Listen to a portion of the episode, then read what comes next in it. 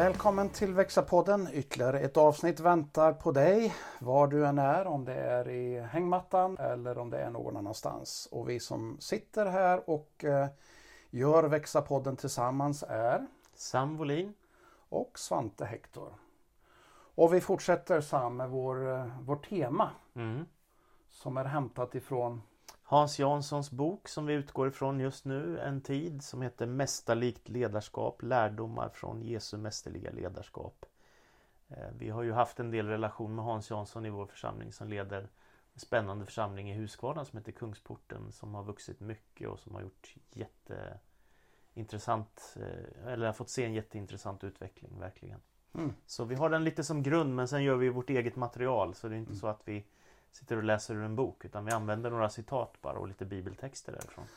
Och vår, vårt tema för den här podden idag det är att ta ut riktningen i Guds närhet. Det Ja. handlar om bön, det handlar om visioner. Ja, exakt. Eh, Sam, om vi börjar med bön. Vad är bön för dig? Och bön är ju en sån häftig sak att tänka sig att man med små ord kan få kontakt med universums skapare. Så är det för mig. Så att, eh, ja, men det, är, det är gigantiskt häftigt. Och sen, sen kan det ha många olika uttrycksformer. Det kan vara att man vill be för något eller för någon. Det kan vara att man vill tacka för något som har hänt. Och det kan vara man vill lovprisa och lovsjunga Gud för Guds storhet. Det kan vara många, många olika former. Men den här gången så, så tänkte vi väl att det skulle vara fokus på att komma nära Gud och kanske också öppna Bibeln, öppna ordet för att få lyssna till på något sätt bli ledd av Gud. Va? Alltså som vi sa Mm. för den här rubriken som vi har satt nu då, utifrån två kapitel och ta ut riktningen i Guds närhet. Så att få lite hjälp genom Bibeln och bön liksom att hitta vägen Mm. framåt. Vad tänker du? Jag tänker ju att som ledare så är ju en av de viktiga sakerna att, att liksom eh, ta ut riktningen. Att, att liksom se vägen, se lite längre eh, ofta än de man leder. Ja, Eh, att, att se bilden framför och kunna ta ut riktningen och sen så hitta vägen framåt för det. mm. Eh, och i, i det perspektivet så tänker jag ju att, att bönen är väldigt, väldigt mycket att vara i Guds närhet Mm. eh, för att lyssna. ja, För att lyssna in. Men om jag, om jag ändå går till botten vad jag tänker att bön i grund och botten är Mm. för mig då. Så Mm. är ju det i grund och botten ett, kärlek, ett uttryck för en kärleksrelation. just det. Alltså Gud har älskat oss och bönen är, i- är i mångt och mycket vår respons på den kärleksrelationen. Mm. Alltså tänk dig en kärleksrelation utan att du samtalar. Är det Ja. möjligt Sam? Nej, det blir svårt. Det blir svårt. Ja, Alltså om man, om man sitter i sådana här relationsprocesser och försöker hjälpa människor som har fastnat i relationen ja, så återkommer det ju ofta till att kommunikationen har på något vis stannat av eller blivit, blivit eh, ja, snedvriden på något sätt. mm. Mm. Mm. Så jag tänker då att i, i bönen är i grund och botten ett, ett uttryck för kärleksrelationen Mm. mellan, mellan Gud och människa. Ja. Och i den närheten, i det samtalet eh, som innehåller både att man uttrycker ord men också väldigt mycket lyssnande så ja, men där händer det spännande saker. ja. Verkligen. någon, någonstans uppfattar jag att där får man tillbaka eller kanske får man för första gången det där liksom riktigt viktiga perspektivet. Mm. Exakt, och det, och det är som att man gång på gång som människa måste komma tillbaka till någon slags vad, Hur navigerar jag? Mm. Det är inte bara att leva på hur som helst utan man behöver reflektera och be över vad, vad är vägen framåt för mig och för dem som vi jobbar tillsammans med och den församling vi står i. Alltså man måste regelbundet komma tillbaka dit. Mm. Åtminstone är det så för mig att i vissa tider så är det solklart vad vi ska göra och i andra tider är det dimmigt. Mm. Och därför, just därför tror jag att det är viktigt med det här som inte är så lätt heller alltid Mm. att, att se vägen. Sam, Jesus själv som ju är, är förebilden för, för Hans Janssons bok och som vi ju återkommer till väldigt, Ja. väldigt mycket. Ja, Eh, han själv brottas ju med i en bön. Alltså han är ju å ena sidan Guds son ja, men han är också människa. Och så brottas han i en bön. ja precis. Ja, det, när Jesus är i, Getsemane så går han ju undan just exakt för detta för att be. Och då står det i Johannes 12 och 27 till 28. Jesus säger nu är min själ i ångest. Vad ska jag säga? Far, fräls mig från denna stund. Nej, det är för denna stund jag har kommit. Så Fader, förhärliga ditt namn. Och då kommer en röst från himlen. Jag har förhärligat det och jag ska förhärliga det igen.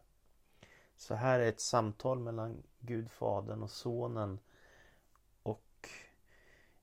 Jag, det, jag tycker om det här också att Jesus som kan säga sådana här saker som Gör er inga bekymmer, var inte rädda, känn ingen oro. Nu är han själv i ångest när han vet att korset väntar honom. Dödslidandet. Och det märkliga är ju att det är så Gud frälser världen. Det är så målet för evangeliet ska fullbordas. Och då är Jesus i ångest så djupt att han svettas blod, står det i ena bibel eller i ett av evangelierna. Eh, och då, då så, så är ju Jesu bön liksom, låt den här bägaren gå förbi mig, låt mig slippa detta Gud.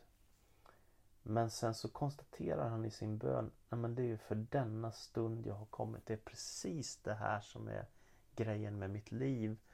Och det jag då tänker som jag, jag har tänkt mycket på sista tiden eh, Det är ju när man var ung liksom och skulle gå in i tjänst och bli pastor och så att jag, jag, jag trodde inte att det skulle vara så stort och häftigt och meningsfullt och fascinerande allt det som man har varit med om och få se många länder och möta så mycket människor. Jag trodde heller inte att det skulle vara så smärtsamt. Och att man skulle få följa människor i döden och sorg och lidande och prövningar och motgångar och krascher. Och... Så, att, så det... Just den här liksom som Jesus konstaterar, det är för den här stunden jag har kommit. Det är därför jag är här. Så jag måste fullborda detta. Men det är inte bara glädje och succé och lyckande. Det är också en djup smärta. Och jag tror att det går igen i allt form av åtminstone ledarskap med större ansvar. Mm. Vad tror du? Ja, men jag tycker det är intressant när du, när du citerar och läser den här texten. För någonstans så, så det jag hör är att Gud Fadern eh, är det som att han bekräftar inte riktigt på en gång. Nej. Utan Jesus själv uttrycker och så är det som att Jesus själv när han hör sig själv säga kan jag inte få slippa det här? Ja så kommer han i Guds närhet, i Faderns närhet, så kommer han till insikten Nej men det går inte. Det är ju därför jag, det är för det här som jag har kommit hit. Precis. Och det kopplar lite grann till min erfarenhet att, att, att det är inte ovanligt när jag, när jag verkligen tar mig tid in i, i, i Guds närhet. Mm. Att sanningar som jag på ett sätt har vetat tidigare ja men som kanske har blivit grumliga eller, eller eh, till och med nästan tappats bort. Ja. De blir klara. Ja. De blir synliga och tydligare mm. på något vis mm. i Guds närhet. För att man tar tid att stilla ner sig? Ja, och, och det, det är någonting, alltså jag reflekterade över det. Jag och min fru, vi har varit gifta i, i 34 år när vi firade här för, för lite sedan. Mm. Bröllopsdag. Mm. Och och vi kan ju ibland bara sitta bredvid varandra mm. eh, utan att egentligen behöva säga någonting. Mm. Och det har hänt så många gånger att, att, att eh, när vi har suttit så har jag tänkt en tanke och så säger hon det. Ja. och så tvärsom. Ja. Och det är på något vis som att när man har varit eller när man är regelbundet nära varandra ja. då händer det någonting och man blir det. påmind om de där viktiga sakerna. Mm. Nästan bara utan att vara i närheten. Mm. Men här, här sätter ju Jesus ord på det han känner och han upplever. Ja. Och i Guds närhet när han gör det, ja, men då blir han påminn. Mm. Vad, är, nej, men, vad är nu det viktiga? Mm. Ja, men det är ju det här jag har kommit för, jag kan inte missa det. Nej. Det är det syftet som han skulle fullborda. Korset, hur motsägelsefullt den kan verka, är hans största seger på något sätt. Mm. Så det är det som är så fascinerande. Och här, den här formen av bön som vi pratar om nu, det är ju då närheten till Gud, att lyssna till ordet och bönen och och bli, få hjälp att få vägledning inför att ta ut riktningen mot framtiden som en vision kräver. Mm. När man ska fullborda någonting. Och då Då ser vi ju Jesu liv också att han behöver lärjungar för att förverkliga. Det går inte bara att Jesus går omkring själv trots att han är Guds son och Messias. Trots att han kan bota sjuka och predika som ingen annan så behöver han lärjungar. Och det utväljer han. Jag har ibland tänkt att det är en brokig skara som han väljer ut. Är det inte det? ja, det är intressant. Jag läste någon gång för länge sedan en, en, en, en, typ av managementanalys av Jesu lärjungar. Och det fanns ju ingen utav dem som egentligen skulle klara måttet någonstans. Nej. För den ene var ju liksom eh, dålig på det ena området och Petrus som, som sen blev den som Jesus sa, du är klippan på dig så ska jag bygga min Ja, men han var ju, han var ju liksom yvig och, och, och tänkt, handlade före han tänkte i många Ja, fall. Och ja. han, han, han förnekade Jesus och gjorde alla möjliga saker. Ja. Det, Ändå. det var ju liksom inte någon, någon, det var inte någon briljant lysande skara utan det, på ett sätt. Nej. Utan det här var ju väldigt vanliga människor. Mm. Men någonstans så är det ändå de som Jesus väljer. Ja. Och de har för, deras vittnesbörd har förändrat världen. Ja. Ja, det är otroligt. Men du, Ben, hur tänker du om det här med processer? Du måste ju ha stått eh, i det många gånger, det, det internationella arbetet du jobbar med till exempel. Hur, och kanske måste börja samarbeta med någon ny partner internationellt eller hitta nya nyckelspelare. Hur har du tänkt om det i ditt liv? Jag tänker ju att bönen har flera dimensioner. Jag tänker det finns en, som ledare så finns det en del och det är det här att gå in i din kammare. Mm. För där behöver du vara och precis som Jesus var för sig själv. Ja. Men sen finns det en annan del i att som ledare, eh, låt oss säga att man, man, man, ska, man står i, i begreppet av att kanske börja samarbeta med en ny organisation eller Mm. eh, en ny kyrka eller en, en ny missionsinitiativ på något sätt. Mm. Tänker jag just att, att mötas i att be tillsammans Mm. och tillsammans eh, söka Gud. Mm. Där händer det någonting väldigt Ja. spännande. Alltså det, det är någonstans som man, det, det är en grund för att enas om det väsentliga. Ja. Enas om det viktigaste. Ja. Eh, och jag tänker att ska man samarbeta så är det alltid det liksom som är, är, är kan vi enas om det viktiga, det som föder visionen, vår gemensamma vision. Mm. Eh, Och det är väl en erfarenhet som jag har. Alltså, man kan ha stått från olika perspektiv och man kan ha haft olika ingång. Men när du möts i att, genom att be tillsammans Mm. och tillsammans söka Ja. Guds, då händer det någonting väldigt, och ibland svårt att beskriva. Ja. Men det är som att när vi förenas i vår tro, Mm. I vår tilltro Mm. till, till, till Gud, då händer någonting, inte bara mellan oss och Gud, utan också mellan oss Mm. som möts. Tänker jag. Ja. Ja, bra. Och, och jag gillar, ett, gillar ett, ett, eh, alltså en del i den här boken som Hans skriver här då. Där han skriver om samarbete, alltså bön är samarbete med Gud. Mm. Eh, och, och så skriver han också om små böner och stora böner. Har du reflekterat över små och stora böner? Sam? Ja, verkligen. Och vi, vi har ju pratat om det du och jag att Alltså man, om man, om man bara hamnar i de små bönerna Gud hjälp mig med och sen är det väldigt smått. Va? Min faster som är Alltså att det, allt det där är ju viktigt, det är inte så jag menar men att det bara blir mitt eget vardagslivs eh, lite mindre frågor så blir ju gudsbilden kanske lite försnävad och liten och att det bara handlar om jag, mig och mitt. Och då kan man ju få be stora böner också. Låt ditt rike komma, låt din vilja ske, låt ditt namn bli förhärligat. Eh, och, och det som Gud vill göra. Så tänker man att Gud är himmelen så jorden skapade så kan man ju våga be stora böner också. Att ibland också, kanske inte varje dag, men ibland kan stora visioner också förverkligas med Guds hjälp och kraft och vägledning. Så att det är viktigt tror jag. Mm. Det är viktigt. Jag tänker att Hans Jansson återkommer ju i, i den här boken i ta, faktiskt det där perspektivet att bönen handlar inte om att du själv presterar speciellt mycket. Nej. Men det handlar väldigt mycket om tilliten och tron Mm. på en enormt stor och kraftig, kraftfull, alltså mäktig Gud. Mm.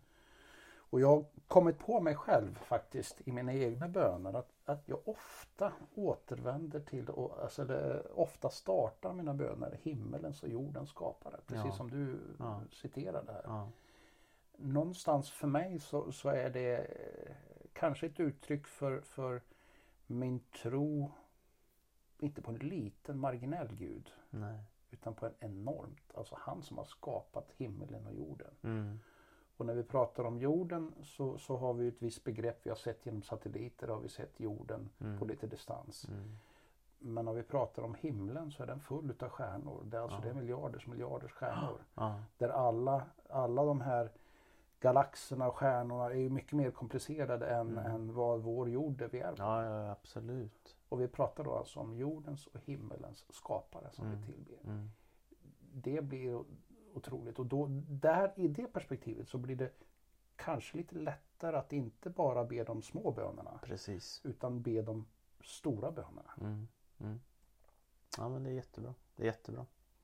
Och sen om, om en vision ska, om vi kopplar det här liksom med att ta ut riktningen i Guds närhet då för för sitt eget liv och för den församling man tillhör eller det arbete man står i så är ju vision väldigt, väldigt viktigt. Och jag vet eh, i Ordspråksboken kapitel 29 och vers 18 så står det där visioner saknas förgås folket och i en annan översättning står det utan eh, vision så blir folket tygelöst. Det är ju något gammalt ord men, men det är som att man blir förvirrad och kanske går vilse. Och I någon annan översättning så står det liksom utan profetia så går folk vilse. Det har gjort lite olika översättningar av samma bibelvers helt enkelt. Så. Men, men på något sätt är poängen den, den, densamma att det är viktigt att det finns vision och att man, är, att man vill förverkliga den också. Jag tror det var Warren, Warren Bennis i det här kapitlet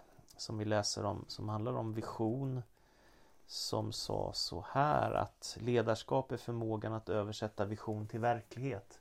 Mm. Och det hänger ju ihop med det här också att man, man behöver en, en vision för att kunna ta ut riktningen och sen så kan man ju inte bara omkring och drömma utan man måste ju sätta ner eh, plogen i marken på något sätt och kunna förverkliga det som man drömmer om. Har du någon sån erfarenhet Svante? Du har ju inte bara jobbat i Sverige, du har ju jobbat i Afrika till exempel.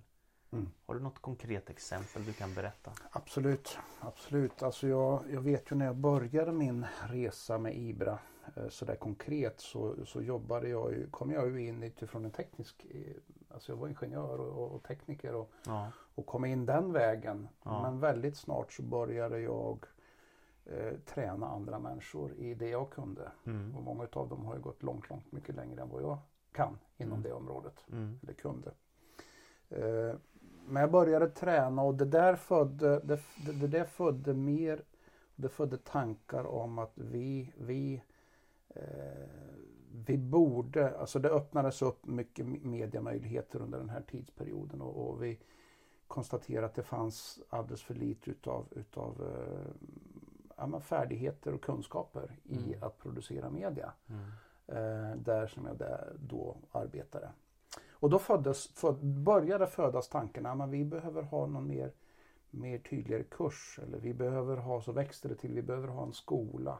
Mm. Och så började vi ta steg Mm. och allt eftersom de stegen togs och vi förverkligade det blev en ettårig utbildning så växte liksom visionen vidare. Ja. Eh, tittar man tillbaka så kan man se att embryot till den här visionen som exempelvis idag är Habari Malum College, alltså en skola för både, med både ledarutbildning och media, mediautbildning. Som ligger i... som ligger i norra Tanzania och betjänar egentligen Tanzania men, men också länderna runt omkring. Okej. Eh, alltså embryot till den drömmen fanns ganska tidigt. Mm. Fast jag tror inte det var någon som riktigt tydligt såg hur skulle det här kunna se ut. Nej. Så Men det all- var lite dimmigt? Men absolut, men, men allt eftersom vi tog steg och allt eftersom vi konkretiserade och, och gjorde någonting utav starten, den här början utav det, så växte ju tydlig, tydliggjordes liksom drömmen och visionen om det här. Ja. Eh, och det är intressant för när, när, du, när du läste det här citatet ifrån Ordspråksboken 29 då och lite olika översättningar så översätts vision Ibland just med dröm eller vision och ibland också med profetia. Ja. Och i det här sammanhanget där, där vi såg den här drömmen eller visionen förverkligas så var det också eh, en profetia Mm. som förverkligas. Jag vet 1990 vi stod i en samling eh, och såg Kilimanjaro, Afrikas högsta berg. Mm. Och där och då så var det en pastor som kom och, och, och började profetera. Mm. Eh, och profeterade över strömmar som skulle liksom flöda ut ifrån, ifrån Kilimanjaros högsta, alltså Afrikas högsta punkt Mm. utöver. Mm. Och i mångt och mycket så har det hänt. Mm. Eh, och där bland annat den här skolan är, är och har varit en viktig del i det. Mm. Mm. Så det var som en slags profetisk bild för den vision som ni bar i era hjärtan. Ja, och, och vilket som kom först. Alltså jag tänker att den här, den här profetiska tilltalet och den här visionen, bilden som formades. De gick nog in i vartannat. Mm. Inspirerade varandra tänker Mm. jag. Mm. Kopplade till varandra. Häftigt. Eh, Och så- idag, idag är detta en skola som med egna byggnader och lokaler och Oh ja, det är en skola med, med, med, som drivs utav pingströrelsen i Tanzania men som är akkrediterad ut, under utbildningssystemet i Tanzania mm. och har, har eh, flera hundra elever. ja. eh, Det är fantastiskt. hela landet. Och en del utav dem som, som går där hamnar liksom eh, i toppositioner på olika mediehus och till och med i, i, i maktens boning. ja, det är häftigt. Men du, vi pratade lite om det här innan vi började inspelningen så pratade vi om att eh, Alltså att, att man kan få vara med i en startfas och ta små steg som leder till att en vision börjar förverkligas och sen så blir det större och större förhoppningsvis då. Eh, men sen sa vi också att det finns flera faror. En fara är också att allt blir inte som man har tänkt så att man kan bli väldigt bitter eller frustrerad. På det tar för lång tid eller det gick åt något annat håll eller någon annan får ta över. Eh, Och vi pratade också om att, att i vissa tider kan det vara nästan som att en vision dör. Eller åtminstone att man måste distansera sig från Mm. drömmen man har jobbat med i flera år. Och nu tänker jag det här, det här låter för mig som en väldigt lycklig berättelse att du är med i en startfas av en vision. Men sen, du bor ju inte kvar i Tanzania nu utan du bor i Sverige och jobbar fortfarande med internationellt arbete men, men du har ju en annan utgångspunkt. Hur skulle du säga eh, För jag kan, jag kan ju tänka till exempel, jag har haft tre olika församlingstjänster. Det är nästan som att eh, nu måste jag liksom lägga ner den här visionen för nu ska jag in i en ny tjänst. Och nu, nu börjar nästa uppdrag. Då måste den åtminstone billigt talat lite dö för mig. Lite på något sätt måste jag distansera mig till det jag har lagt ner så mycket kärlek och hjärta och tid och engagemang och passion för. Hur, hur skulle du säga att det är med Habari Malum College för dig? När du, för men man skulle lika gärna kunna tänka att du vore rektor där nu och, och hade ett par hundra elever och gick omkring och var lycklig över att du var med och startade upp detta. Istället är du i Sverige och ser detta på distans nu och ser att andra har gått in och tagit Hur tänker ja, du? Jo, men jag tänker nog så här att, att det, det, man kan ha olika skeden och, och, och relationen till visionen kan se olika ut beroende på vilket skede man är i. Ja, Man kan få vara med och föda fram en vision ja, och få arbeta med den och, och då är den väldigt levande och nära eh, mig här och nu. Eh, och så var det absolut när vi började med det utbildningsarbetet då i, i norra Tanzania. Ja. Så var det. Jag, jag levde och jag, jag ja, men det, det var mitt liv Ja. under, under ett antal år. Väldigt intensivt där. Och sen så eh, fortsatte det även sedan jag flyttade till Sverige och var väldigt ofta där och mm. var med och tränade där. Så du flög tillbaka och, flög tillbaka väldigt, väldigt och ofta. genomförde kurser? Och, Många gånger, ja precis. Och, och har fort, fortfarande möjlighet att ha kontakt. mm, Även om det har blivit lite glesare då. mm, Och då tänker jag så här att när jag, när jag står mitt i det, då är visionen och alltihopa väldigt nära, brinnande, levande. mm, När jag sen kliver ur den, den, den absoluta närheten så eh, behöver det inte vara så att jag liksom, visionen dör för mig. Utan den finns, men jag får lite distans till den. mm, Och där gäller det ju också att kunna släppa och se att äh, men det här som jag fick kanske tillsammans med andra vara med och föda fram. mm, Det är det andra som springer med. ja, Och den visionen växer och den utvecklas Eh, och det är något sunt och något bra. Och när jag Mm. tittar nu på det som händer på distans, jag har fortfarande kontakt med, med han som är rektor på skolan och lärare och nyckelpersoner där. Mm. Eh, besöker dem ibland och uppmuntrar dem och så här. Ja, då känner jag en stor glädje Ja. eh, i att wow, här liksom det som jag en gång fick vara med och, och föda fram, det har växt långt längre efter att också jag liksom lämnade den operativa närheten. Och så har jag kunnat ägna mig åt andra delar Mm. eh, utav världen eller områden. Mm. Men inte tappat visionen, inte tappat liksom kontakten. Nej. Men haft en mer, den har inte dött för mig men däremot så har den, har den jag har fått en mer distanserat eh, perspektiv på den då. Ja men det är ju intressant för det, det tänker jag också här hur man förhåller sig till Någonting som man då ger mycket tid, kanske pengar, kanske bö, förbön och böner och, och hjärta och år av sitt liv. Men så tänker jag så här också, det här är, jag tänker bara att det här är viktigt att kanske för andra att höra också. Det är ju inte alltid det blir så lyckligt som du säger nu. Liksom, du kan ju, tänker jag, med stolthet åka ner till Habari Malum College i Tanzania och se här är en skola med flera hundra elever som jag var en del i i början liksom, särskilt. Eh, Men ibland kan det bli tvärtom också Mm. att man får lägga ner skolan eller någon tar över och leder på ett sätt som du blir otroligt besviken på eller frustrerad. Hur tänker du? Hur ska man hantera när visioner inte blir som man har tänkt eller när fullbordandet blir på ett annat sätt eller när saker kraschar och går sönder? Hur tänker du då? Mm. Ja, alltså det där är inte alldeles enkelt. Jag tänker nog åtminstone ett par tankar som går igång hos mig när du, när du, när du liksom ställer den här frågan. För det första, om vi pratar om, om Guds rike så är det viktigt som ledare att påminna sig om att det är inte jag som äger Guds rike. Nej. Utan det är just Guds rike. Ja.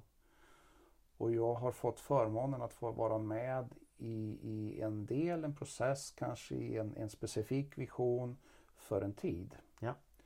Eh, och, och där har jag utifrån mina gåvor och mina kompetenser och erfarenheter få varit med och färga det Mm. så som Gud har använt mig. Mm. Eh, men Guds rike består ju av väldigt många fler människor. Mm. Och, och någonstans så måste jag ha förtroende för en stor Gud. Ja. Att faktiskt, även om jag inte är där, så kommer han att re ut det här. Mm. Mm. Ja.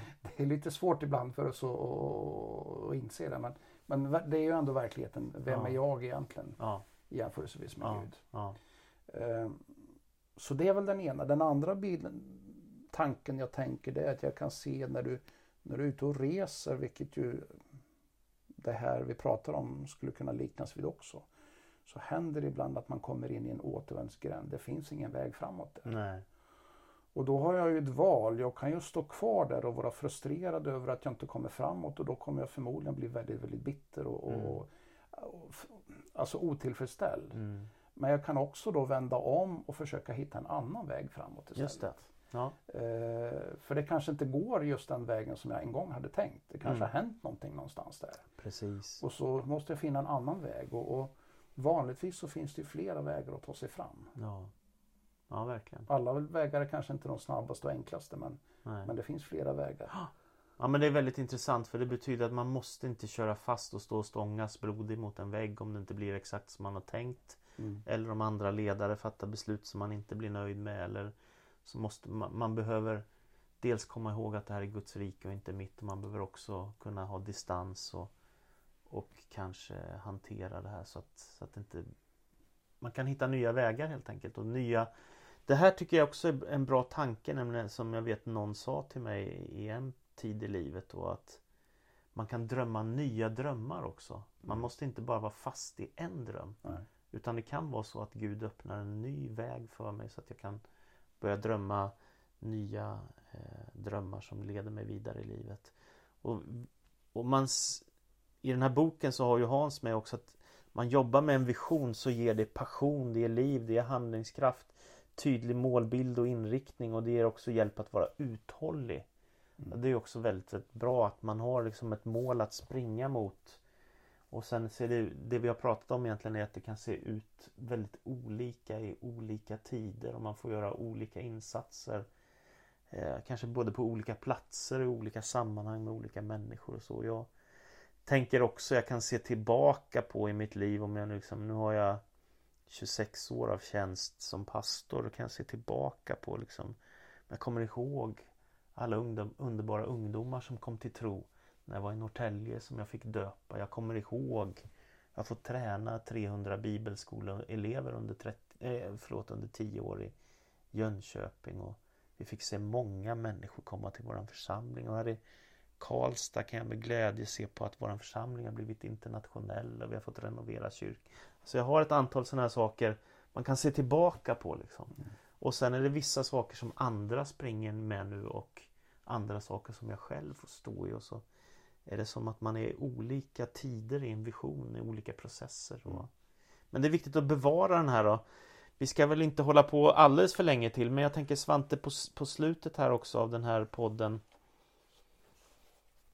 hur gör man då om det blir lite dimmigt i visionen och vad gör man nu har vi pratat till exempel, du var med i Habari Malum College i början när det var så viktig och du har stått länge i IBRA, det här internationella missionsarbetet.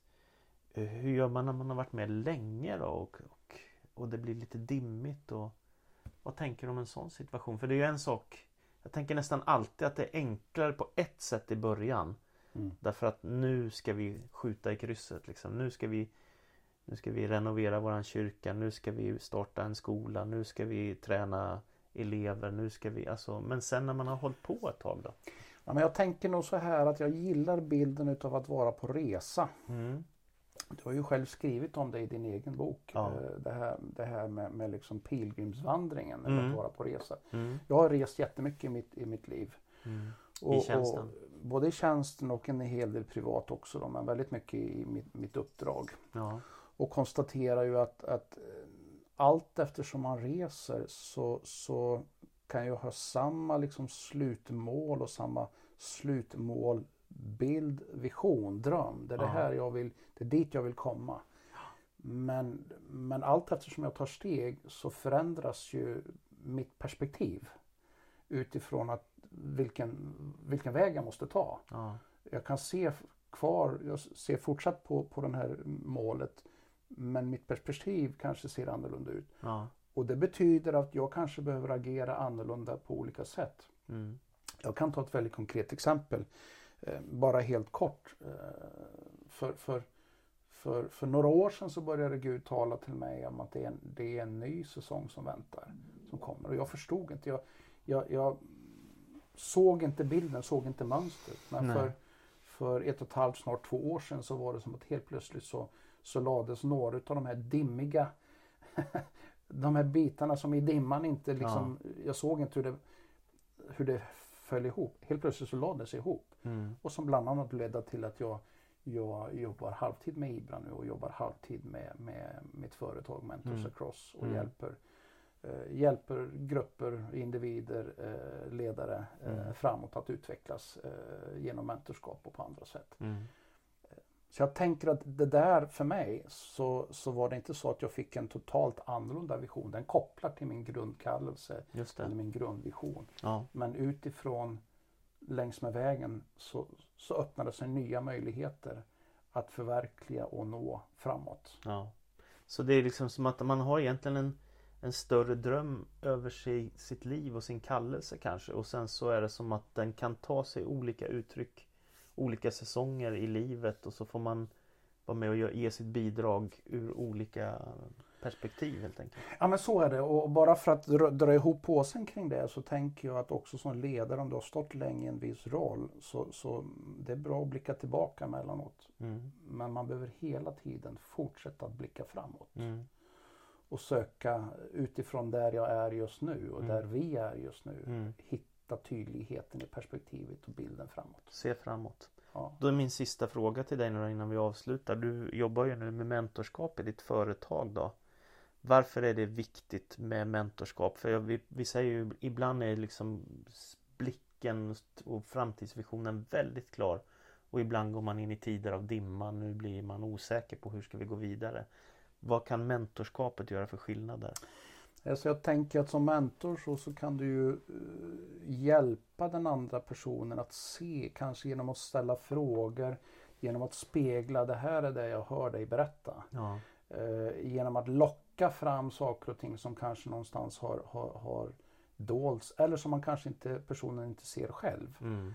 Eh, och som, som mentor kan man då få vara en hjälp att liksom förlösa fram kanske en vision. Ja. Eller förlösa fram gåvor i att användas på ett nytt sätt. Ja. Eh, Eller att se bilden klarare. Mm. Eh, Och, och jag har ju varit med om tillfällen när jag har fått ställa frågor och jag har inte haft svaret. Nej. Men i frågorna som jag har ställt så har helt plötsligt så har det blivit tydligt för, för, för personen jag har samtalat med. Mm. Just det, ja, men så här måste det vara, så här Ja. måste jag göra. Och egentligen med tanke på den tid vi är nu med Corona och Covid och allt så, så borde det vara väldigt viktigt för alla ledare. Mm. Eh, Med tanke på att ingen av oss riktigt vet hur det ser ut närmaste året till exempel. Ja. Så borde det vara rätt viktigt med de här tankarna och fundera på dem. Precis, absolut. Och jag tycker det är fantastiskt. Jag har själv mentorer, eh, samtal, personer som jag regelbundet möter i samtal och som får utmana mig. Och, och, eh, Och på samma sätt är du själv mentor. och på samma sätt hjälper jag andra människor Ja. eh, så framåt. Och det, Ja. Jag tänker att varje ledare behöver ha det. Ja, Eh, Det är lysande. Både ha och vara. det är lysande. Mm. Det var ett spännande samtal om, eh, om att ta ut riktningen i Guds närhet. Ja. Om bön och om vision. Och det Ja. finns ju mycket mer att säga om det här. Verkligen. Eh, och visst är det så här Sam att vi, vi älskar och skulle älska att få återkoppling ifrån eh, våra lyssnare. Absolut. Och eh, var hittar de våra uppgifter? På karlstad.pingst.se finns uppgifterna eller på Facebook på Växa-podden så kan man också komma i kontakt med oss. Så eh, har du tankar om det här, frågor, funderingar eller tillägg eller bra tips, bra tankar. Varsågod, eh, det vore så roligt att höra ifrån dig. Mm. Och eh, när vi nu slutar här så vill vi ändå sluta med den här frågan. Utifrån det du hört, vad är ditt nästa steg? Yes. Vad gör du? Ja. Och så återkommer vi så småningom. ja. Tack så mycket. Tack!